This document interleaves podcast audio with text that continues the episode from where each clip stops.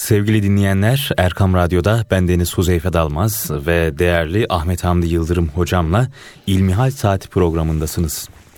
Evet hocam programımıza hoş geldiniz. Hoş bulduk. Sağlığınız, sıhhatiniz iyidir inşallah hocam. Elhamdülillah. Allah razı olsun. Evet değerli dinleyenler bir hafta boyunca her zaman olduğu gibi sizlerden gelen sorularla programımıza başlayalım inşallah. Vücudunda kırık, çıkık veya yara sebebiyle sargı bulunan kimse nasıl abdest alır diye bir sorumuz var hocam buyurun. Elhamdülillahi Rabbil alemin ve salatu ve selamu ala Resulina Muhammedin ve ala alihi ve sahbihi ecmain. Cenab-ı Allah bizleri böyle kırılgan bir yapıda yaratmış. Biraz fazla yüklendiğimizde elimiz, ayağımız kırılabiliyor, bacağımız kırılabiliyor. Evet. Tedaviye ihtiyaç duyuyoruz. Dolayısıyla böyle bir yapıda yarattığı için bu tür arızalara, aksaklıklara karşı da neler yapmamız gerektiğini bizlere bildirmiş. Evet. Cenab-ı Allah Allah size dinde zorluk murad etmez buyuruyor. Dolayısıyla bizim takatimizin yetmeyeceği, üstesinden gelemeyeceğimiz, zorlanacağımız hiçbir ibadet mükellefiyetimiz yok. Ama bununla beraber Allah'ın bize emrettiği ibadetleri bir takım kolaylıkları kullanmak suretiyle yerine getirmekten de geri kalmamalıyız. Mesela namaz akıl balik olmuş bütün Müslümanlara kaçınılmaz bir şekilde farz olmuş bir ibadettir. Evet. Bunun kaçarı, kuçarı tabiri caizse yok. Her halükarda bu namazı kılmamız gerekiyor. Evet. Namaz için abdest almamız gerekiyor. Su varsa su ile abdest alıyoruz. Su yok o zaman teyemmümle abdest alıyoruz. Ama abdestimizi yine alıyoruz. Elimizde ayağımızda sargı varsa abdest mahalleri dediğimiz el dirseğe kadar ayak bileğine kadar ayak efendim yüz hatlarımızda eğer bir sargı varsa bu sargının üzerini mesediyoruz. Nasıl mesediyoruz? Elimizi ıslatıyoruz. Sonra elimizi sallayarak o suyun belli bir oranda düşmesini, akmasını temin ediyoruz. Evet. Ardından da ıslak olan, nemli olan elimizde sargı mahallini, sargı yerini meshetmek suretiyle orayı adeta yıkamış gibi oluyoruz. Evet hocam. Ama bazı sargıları çözüp altını yıkamak mümkün olabilir. Eğer bu bir zorluk vermiyorsa, sağlığımıza da bir sıkıntı doğurmuyorsa o zaman böyle yapmamız gerekir. Yani sargıyı açıp altını yıkamamız gerekir. Eğer bunda bir zorluk ve sağlık açısından da bir sıkıntı söz konusu değilse. Bazen sargının üzerine nemli eli değdirmek de zararlı olabilir. O zaman oraya nemli olan, ıslak olan elimizle mesih yapmıyoruz. Orayı bırakıyoruz. O muaf olmuş oluyor. Dolayısıyla sağlam olan suyu değdirebileceğimiz veya teyemmümde elimizi sürebileceğimiz azalarımıza abdest ve teyemmüm veriyoruz. Söz gelimi bir kimsenin yüzünde e, yaralar oluşmuş. Allah muhafaza etsin. Yanık yarası var. Kesinlikle hiçbir şey değdirmemesi gerekiyor. Bırakın suyu el dahi değmemesi gerekiyor. Bu kimse sadece kollarını, ayaklarını yıkayarak ve başının arka kısmını mesederek abdestini alır. Evet. Bunun da abdesti tıpkı normal sağlam kimselerin aldığı abdest gibi gayet yerinde mükemmel bir abdest olmuş olur. Bu arada yeri gelmişken şunu hatırlatmakta fayda var Huzeyfe kardeşim. Buyurun hocam.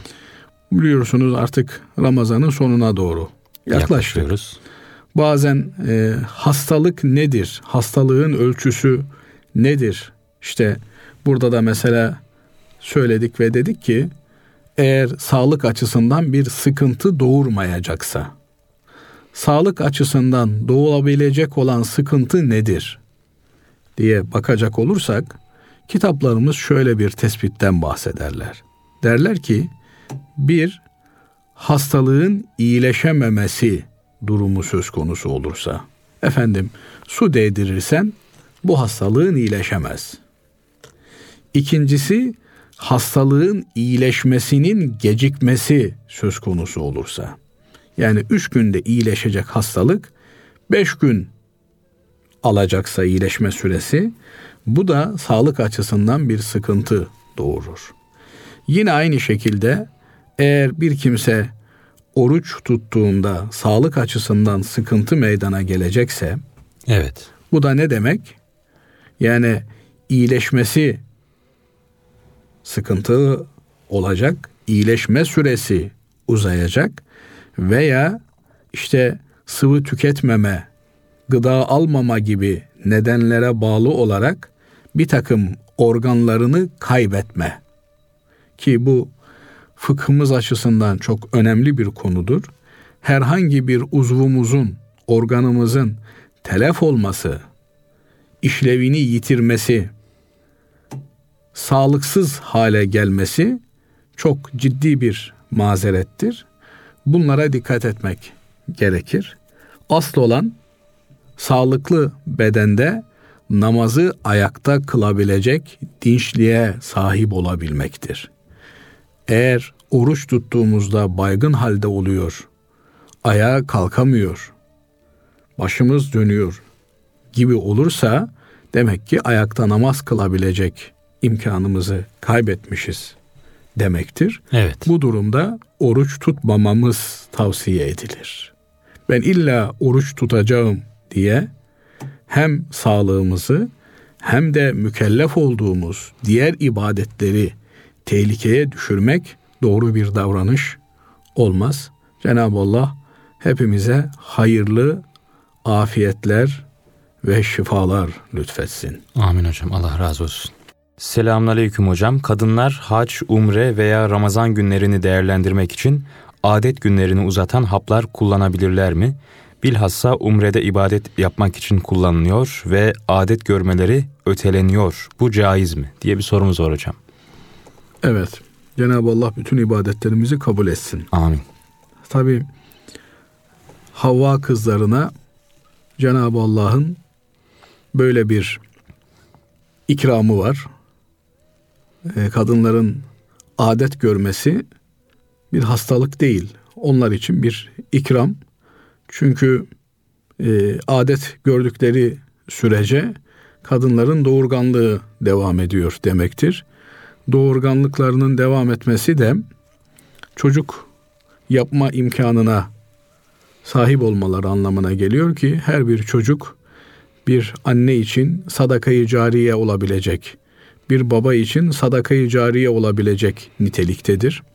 Biliyorsunuz insan öldükten sonra bütün amel defterleri kapatılıyor artık. Arkadan bir sevabın gelmesi mümkün görükmüyor. Evet.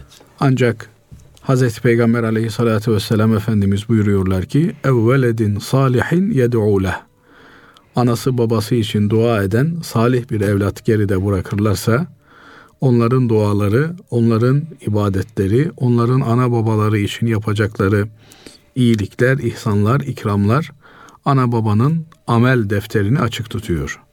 Dolayısıyla bir kadının adet olabilmesi, hayız görebilmesi bütün bu hayırlı ve faydalı şeylere ehil olduğunun anlamını taşıyor. Bu yönüyle e, Allah'ın bir lütfu, bir ikramı Havva kızlarının böyle bir baş başa kaldıkları sıkıntılı bir dönem oluyor. Bunun nimet olmasının yanında böyle sıkıntılı bir hali de var. Bu dönem diğer dönemlere benzemiyor. Bu dönemde Cenab-ı Allah e, namaz ibadeti yükümlülüğünü tamamen kadından kaldırıyor.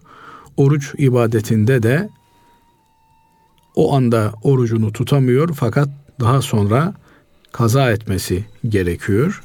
Özellikle de hac ve ümre ibadetlerinde de beyti tavaf etmek, Allah'ın Kabe'sini, Beytullah'ı tavaf etmek en önemli parça olduğu için e, kadınlar bu hallerinde Kabe-i Muazzama'ya giremiyorlar, tavaf yapamıyorlar. Çünkü hayızlı olan kadının camiye girmesi yasak. Efendimiz Aleyhisselatü Vesselam hayız ve cünüp olanların camiye girmemelerini söylüyor. Camiden uzak kalmalarını söylüyor. Dolayısıyla e, hacca ve ümreye uzaktan gelmiş olan işte efendim bir haftalığına, 15 günlüğüne, 10 günlüğüne gelmiş olan kadınlarımız haklı olarak böyle bir tedirginlik yaşıyorlar. Acaba adet günlerimiz e, hac ve ümre ibadetine denk gelir mi? Bunun için önceden tedbir alsak, adet geciktirici haplar kullansak olur mu? Olabilir. Bu tür hapları kullanabilirler. Eskiden de hap yerine farklı bitkileri, yöntemleri kullanmışlar. Fukahamız bu usullerin, yöntemlerin kullanılmasına karşı değiller. Fakat e, bu beraberinde eğer ciddi sağlık problemleri getirecekse bu noktaya dikkat etmek gerekiyor. Evet. Yani insan fizyolojisiyle bu tür suni şekillerle meşgul olmak ileride telafisi zor bir takım sıkıntılara yol açabiliyor. Mutlak surette e, kendi başlarına bu hapları kullanmamalarını tavsiye ederiz. Doktor nezaretinde kullansınlar ve benim kanaatim kullanmamalarının daha uygun olacağı. Bu madem Allah'ın Havva kızlarına, kadınlara böyle bir muamelesi bunu olduğu gibi kabul edip niyetimizle kazanacağımızın farkında olmalıyız. Evet. Yani siz gittiniz efendim adet günlerinize denk geldi. İstediğiniz gibi doya doya Kabe-i Muazzama'yı tavaf edemediniz. Bir tavaf ettiniz. Kaldı işte beklediniz. E, sonunda tavaf edebildiniz. Bunda hiç yüksünecek, üzülecek bir durum söz konusu değil. Siz Allah'ın emrini tuttuktan sonra Allah'ın o emrini tutmakla bu emrini tutmak arasında bir fark yok. Allah'ın emirlerini tutmak, Allah'ın şeriatına tabi olmak, onun dinini yaşamak önemli olan. Dolayısıyla gittiniz, otelde kaldınız, tesbihatınızla meşgul olursunuz. Evet hocam. Efendim başka tür ibadet çeşitlerini o haldeyken yapabileceğiniz ibadet çeşitlerini yapmaya gayret edersiniz. Kaldı ki e, birçok kadın bu günlerin hangi günler olduğunu tespit edebiliyor. Eskisi gibi değil ki şimdi yani kafileler eskiden 6 ay, 3 ay, bir sene süren haç yolculukları oluyordu. Evet. Hatta bırakın adet olmayı işte e, Ali Ulvi Kurucu Hoca'nın hatıratında okuduğumuz kadarıyla Afrika'dan hacca gelenler bir yıl, iki yıl haç yolculuğu sürdüğünden e, işte haç esnasında doğum yapan kadınlara da rastlanabiliyormuş. Şimdi belki dinleyicilerimiz diyecekler ki işte doğum yapacak kadının ne işi var haçta? E kadın yolculuğa çıktığında hamile olduğunu bilmiyor. Evet. 9 ay sürüyor haç yolculuğu.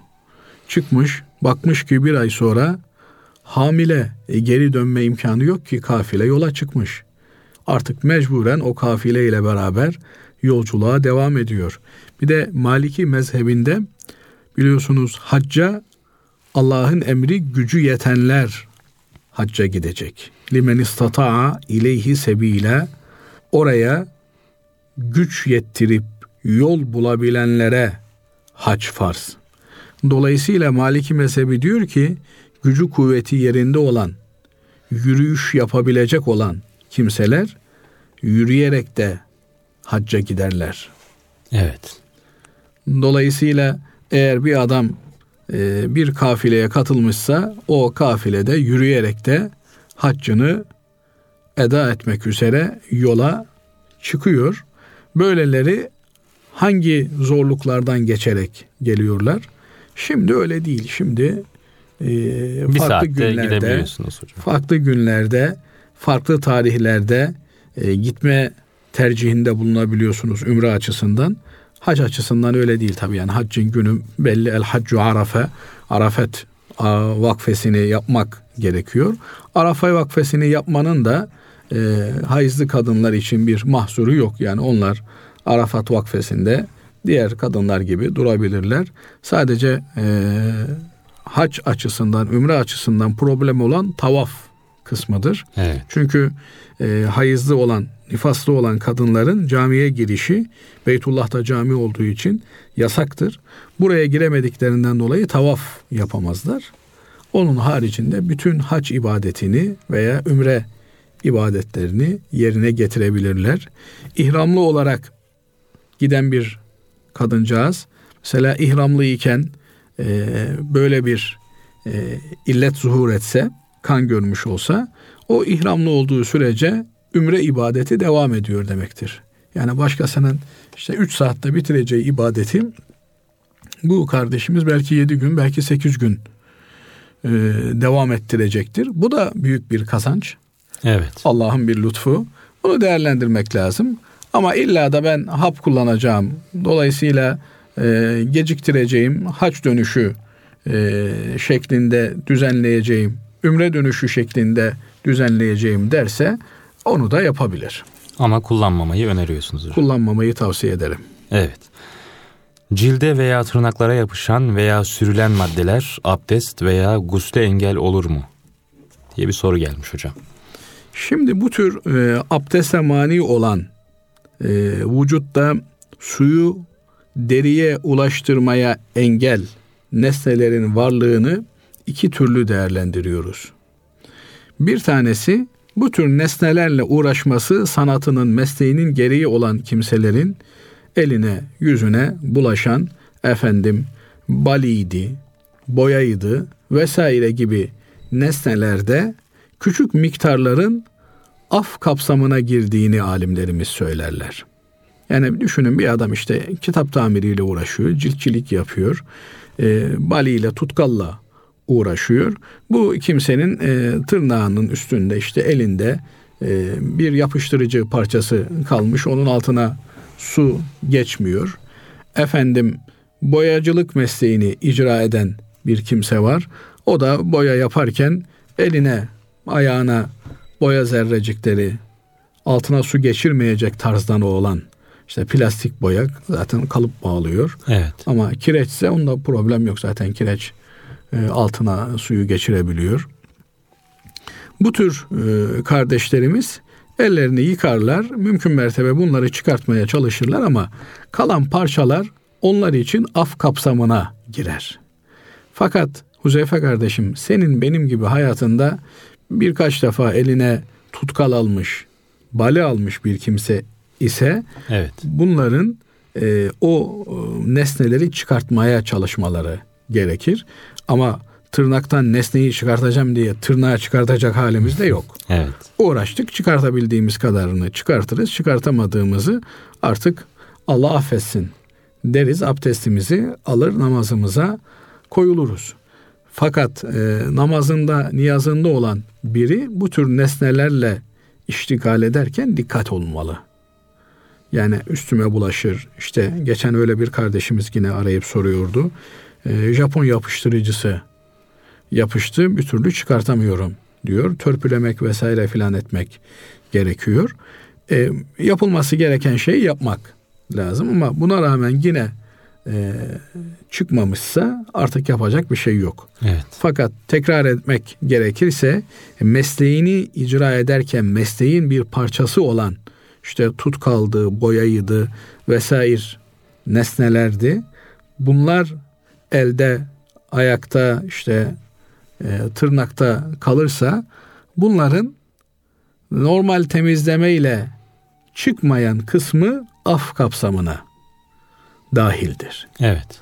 Ama e, senin benim gibi ilk defa bu işleri yapan işte ne bileyim bir e, cildi tamir etmek için bali kullanmış da eline yapışmış onu çıkartmak gerekir. Yani çıkartmak için elimizden gelen gayreti göstermemiz gerekir. Mesela benim babam 45 yıllık ayakkabı tamircisi hocam. Hı.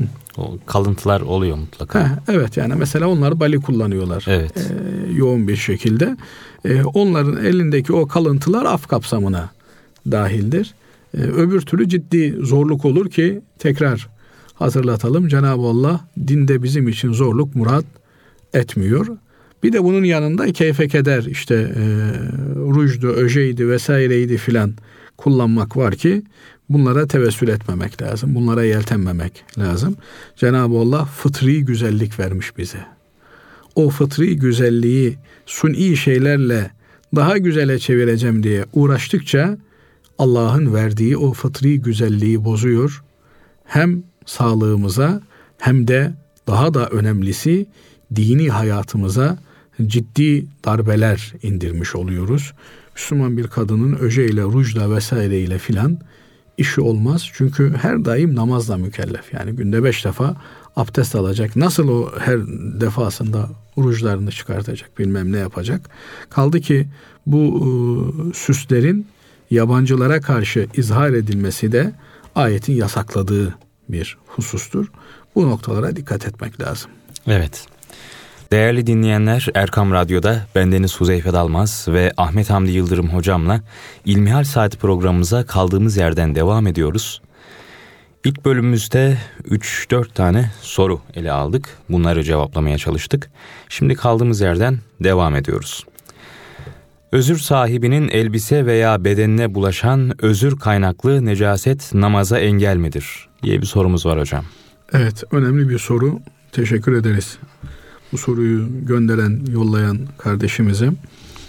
Ee, tabii birinci bölümde de bahsettiğimiz gibi insan olmanın bir gereği. Bu tür arızalar, hastalıklar, illetler bizler için var. Genetik yapımızda, kodlarımızda bütün hastalıklar var. İşte onları tetikleyici bir takım hadiseleri yaşadıkça onlar gün yüzüne çıkıyorlar. Dolayısıyla eğer e, Mesela sürekli bir akıntı var. Bundan dolayı abdesti bozuluyor bir kimsenin. Ee, ne yapacak? Her vakit abdest mi alacak? Veya işte her akıntı geldiğinde abdest mi alacak? Bu kimseye kitaplarımız sahibül özür diyorlar. Özür sahibi, mazeret sahibi kimse anlamına geliyor bu. Mazeret nedir? Abdesti bozacak fiillerden herhangi biri eğer bir namaz vakti süresince devam ediyorsa evet. bu kimse özür sahibi olur. Mesela burnu kanıyor. Kesintisiz bir şekilde burnu kanıyor adamın. Veya işte e, vücudunda bir yara var oradan irin akıyor veya e, küçük abdestini tutamıyor. Yaşlılıkta özellikle de prostat hastaları için bu durum söz konusu oluyor. E, bu kimse işte 3 dakikada 5 dakikada bir e, bir şey çıktığını hissediyor veya hastalıktan sebep sonda kullanıyor. Bunların abdesti ne olacak meselesinde bir namaz vakti bu sürüyorsa işte söz gelimi Öğle namazı saat 1'i çeyrek geçe okunmuş. İkindi namazı 5'i çeyrek geçe okunuyor. O aradaki 4 saatte kesintisiz bir şekilde yani bir 10 dakika ara vermeksizin devam etmiş. Bu kimse artık özür sahibi demektir. Başlangıcı böyle oluyor. Evet. Devamı nasıl oluyor? Her vakitte bir defa görülmesi devamı açısından yeterli. Yani akşam namazı vakti bir buçuk saat diyelim. O bir buçuk saat içerisinde bir defa görülmüş. İkindi namazı vakti üç saat. O üç saat içerisinde bir defa zuhur etmiş. Ne zaman bitiyor? Bir tam namaz vakti içerisinde hiç görülmezse işte sabah namazı vakti diyelim bir buçuk saat o bir buçuk saat hiç zuhur etmezse bu illet o zaman artık bu durum değişmiş normal hale dönülmüş demektir. Bu kimselerin abdestle ilgili yapacakları şey belli. Bu kimseler her vakit için abdest alırlar. Her vakit için derken her ezan okunduğunda bunların abdesti bozulur. Tekrar abdest almaları gerekir. Bazıları vaktin çıktığında abdestin bozulacağını söylerler. Bazıları da vaktin girdiğinde abdestin bozulacağını söylerler. Burada doğru olan Allahu alem vaktin çıktığında abdestin bozulmasıdır. Evet. Vakit çıktı mı abdest bozulur. Bunun şöyle bir pratik sonucu oluyor Hüzeyfe kardeşim. Biliyorsunuz öğle namazının vakti bir namaz vaktinin bitiminden sonra yeni bir namaz vaktinin girişi olarak düzenlenmemiş. Yani öğle ile sabah arasında e, farz namazların vakti olmayan bir vakit var.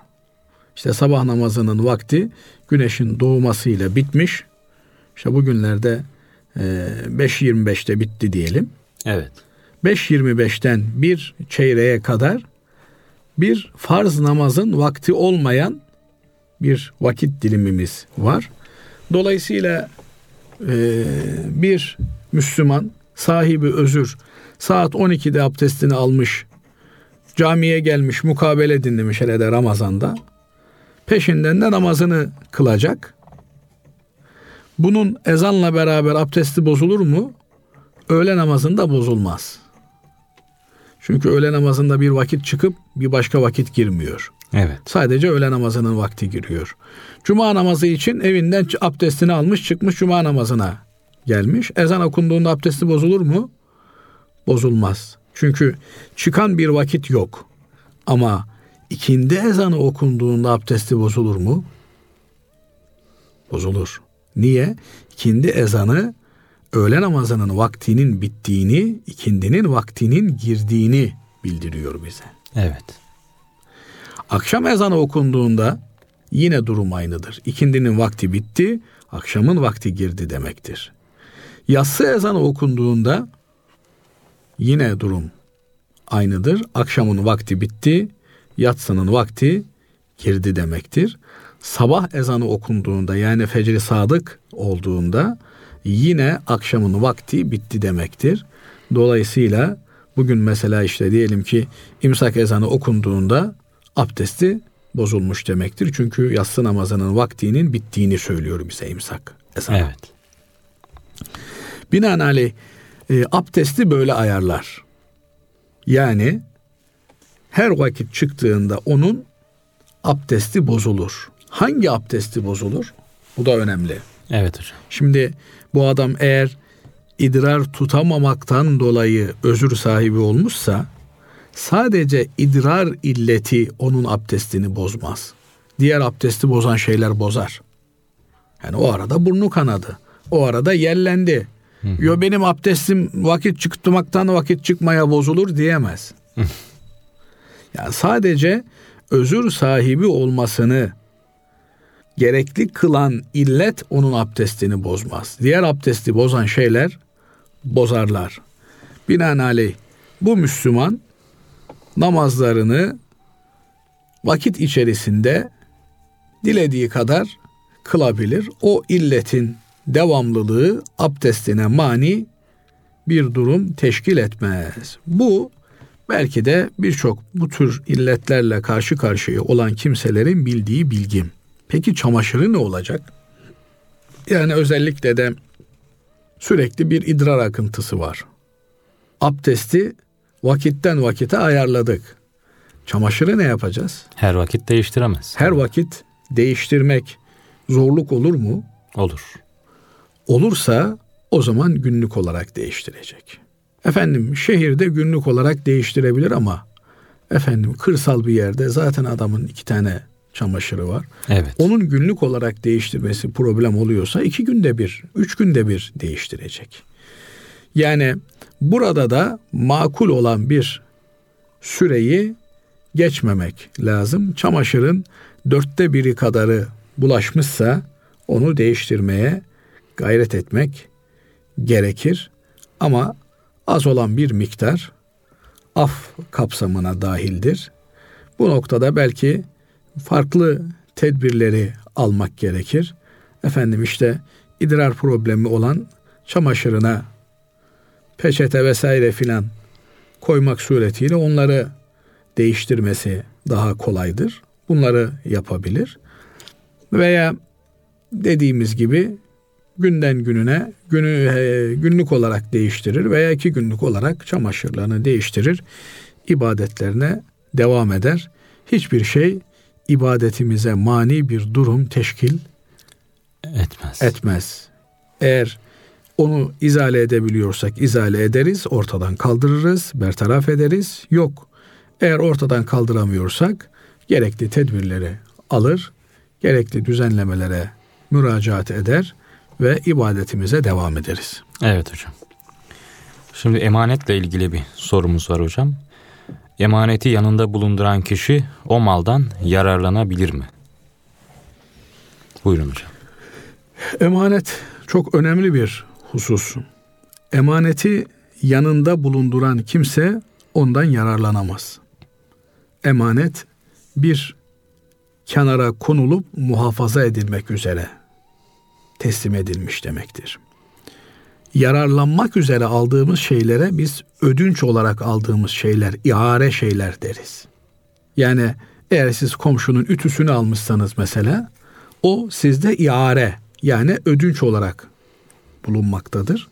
İşinizi bitirirsiniz, Geri geriye teslim edersiniz. Evet. Bu aynı zamanda sizin elinizde emanet olarak da bulunuyor demektir. Ama eğer komşu size bir şeyini getirip emanet etmişse, efendim parasını getirmiş, komşu demiş ben yola çıkıyorum dünyanın bin bir türlü hali var. Bu para sizin kasanızda emanet olarak bulunsun demiş. O parayı kullanabilir misiniz? Hayır. Veya altınlarını getirmiş. Bu altınları kasanızda muhafaza edebilir misiniz? Demiş. Siz de tabii hay hay edebilirim demişsiniz. O altınları kullanamazsınız. O parayı kullanamazsınız. Arabasını emanet olarak bırakmış. Komşu demiş ben gidiyorum sizin garajda yer varsa arabayı emanet olarak bırakayım.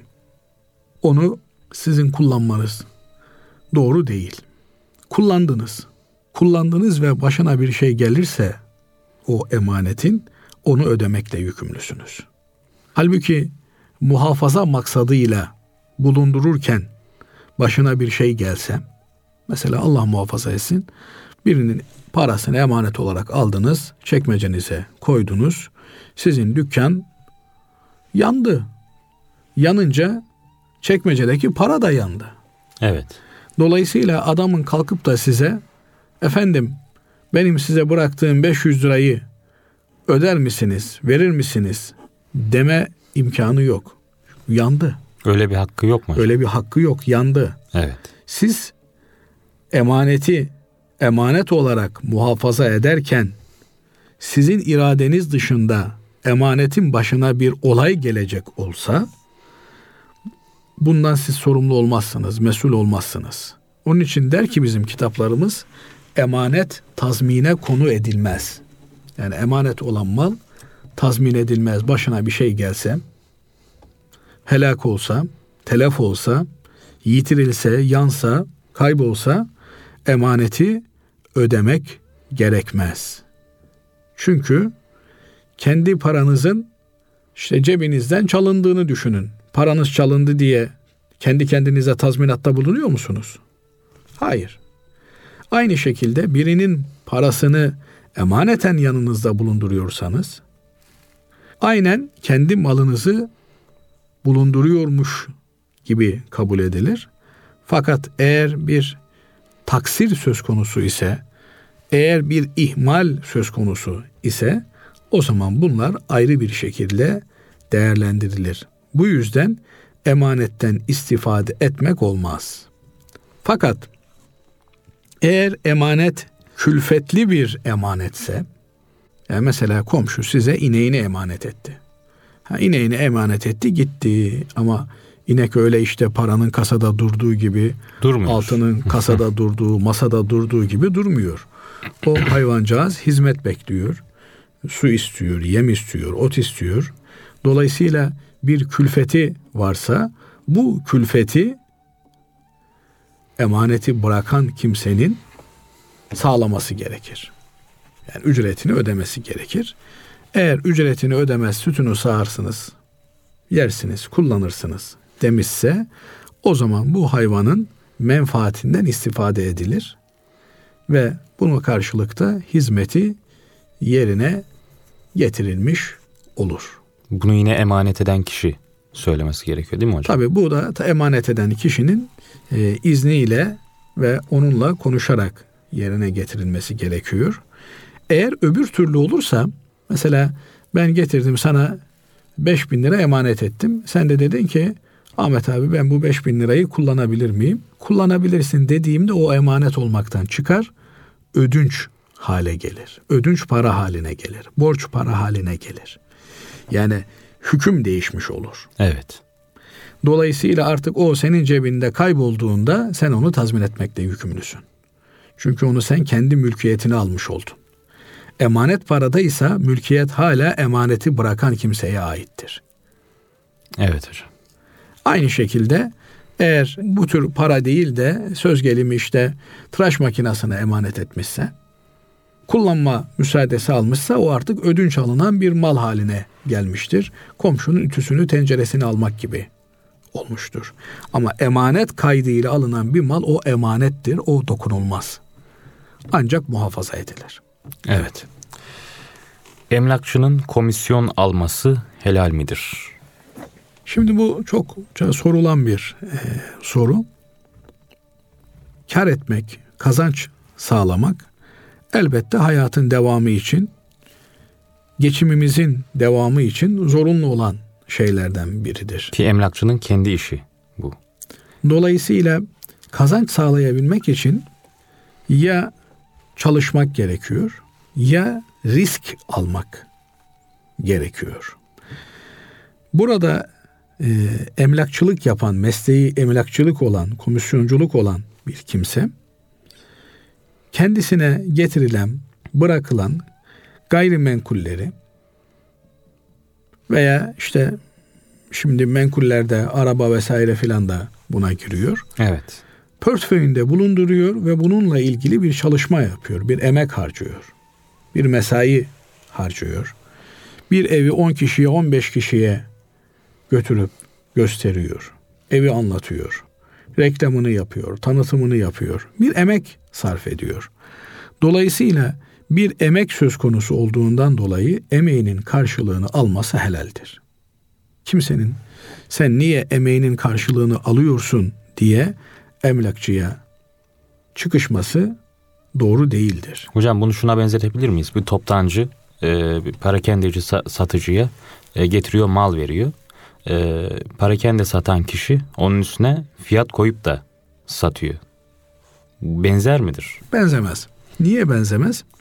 Çünkü e, toptancı aldığı malı kendi mülkiyetine geçirir. Emlakçı e, kiraya vereceği veya satacağı malları kendi mülkiyetine geçirmez. Hmm, evet. Dolayısıyla ben 100 liraya mal sahibinden bunu aldım, 150 liraya kar ederek satarım diyemez emlakçı. Emlakçı aracıdır. Dolayısıyla e, nihai ketrede pazarlığı yapacak olan son alıcıyla ilk satıcıdır. Komisyoncu veya emlakçı bu satıcıyla alıcıyı buluşturan kimsedir. Buna yönelik de bir emek harcayan kimsedir. O emeğinin karşılığını alır. 3 bin, 5 bin neyse emeğinin karşılığını alır ve bunun da işin başında belli olması gerekir. Efendim işte bugün ne deniyor? Kiralama veya satışın yüzde üçü, binde on üçü emlakçıya alıcı ve satıcı tarafından ödenir deniyor. Bu tür ne aldığı belli, ne verdiği belli olan bir oranla bu muamelenin yapılması gerekir. Yoksa emlakçı sahip olmadığı bir malın üzerine kendi bir kar koyarak onu satması emanete hiyanet anlamına gelir. Çünkü malı getirip ona veren buna müşteri bul diye veriyor. Evet. Dolayısıyla satıcıyla müşteriyi bir araya getirip onların pazarlıklarına yardımcı olması ve netice tayin edilen, beliren kesinleşen fiyat üzerinden de kendi payını alması gerekiyor. Fakat burada şöyle bir harici bir mesele var. Hüzeyfe kardeşim. İşi komisyonculuk olmayan, emlakçılık olmayan bazı kimselerin efendim gidip de bir dükkana, bir mağazaya ben size müşteri getiririm, getirdiğim müşteri başına da komisyon alırım demesi doğru mudur? Genelde işte rehberler vesaireler filan bu tür şeylerle muhatap oluyorlar. Yabancı bir kimse geliyor memleketi bilmediği için birinin rehberliğinde geziyor. O da işte şu mağaza güzeldir, iyidir diyerek insanları oraya yönlendiriyor ve gelenlerden de komisyon alıyor. Bu doğru bir şey midir? Hayır. Eğer sizin götürdüğünüz kimse sizin bu işi yaptığınızı biliyorsa, bu işten ekmek kazandığınızı biliyorsa bu mümkün. Ama onun haberi yok. Onun güvenini istismara yönelik olarak bu yapılıyorsa bazen oluyor işte bir iş adamı bir arkadaşına e, bir arsa ha şurada bir arsa var gel bir bak filan diyor. Ondan sonra da dönüp arsa sahibiyle ben sana müşteri buldum. Bunun şu kadarını bu kadarını vereceksin diye bir pazarlığa girmesi o da doğru bir şey değil. Bu iş mesleği komisyonculuk olan, emlakçılık olan kişiler tarafından yapıldığında helaldir. Bunun haricinde güven zedeleyici bir tarzda dostluğu, ahbaplığı, kardeşliği istismar ederek yapılan bu tür komisyonculuklar caiz olmaz. Bunlara da dikkat etmek lazım. Evet Allah razı olsun hocam. Çok teşekkür ediyoruz. Değerli dinleyenler bu haftada İlmihal Saati programımızın sonuna geldik. Bendeniz Huzeyfe Dalmaz ve Ahmet Hamdi Yıldırım hocamızı dinlediniz. Bir sonraki hafta yeniden İlmihal Saati programımızda buluşmak ümidiyle hoşçakalın Allah'a emanet olun.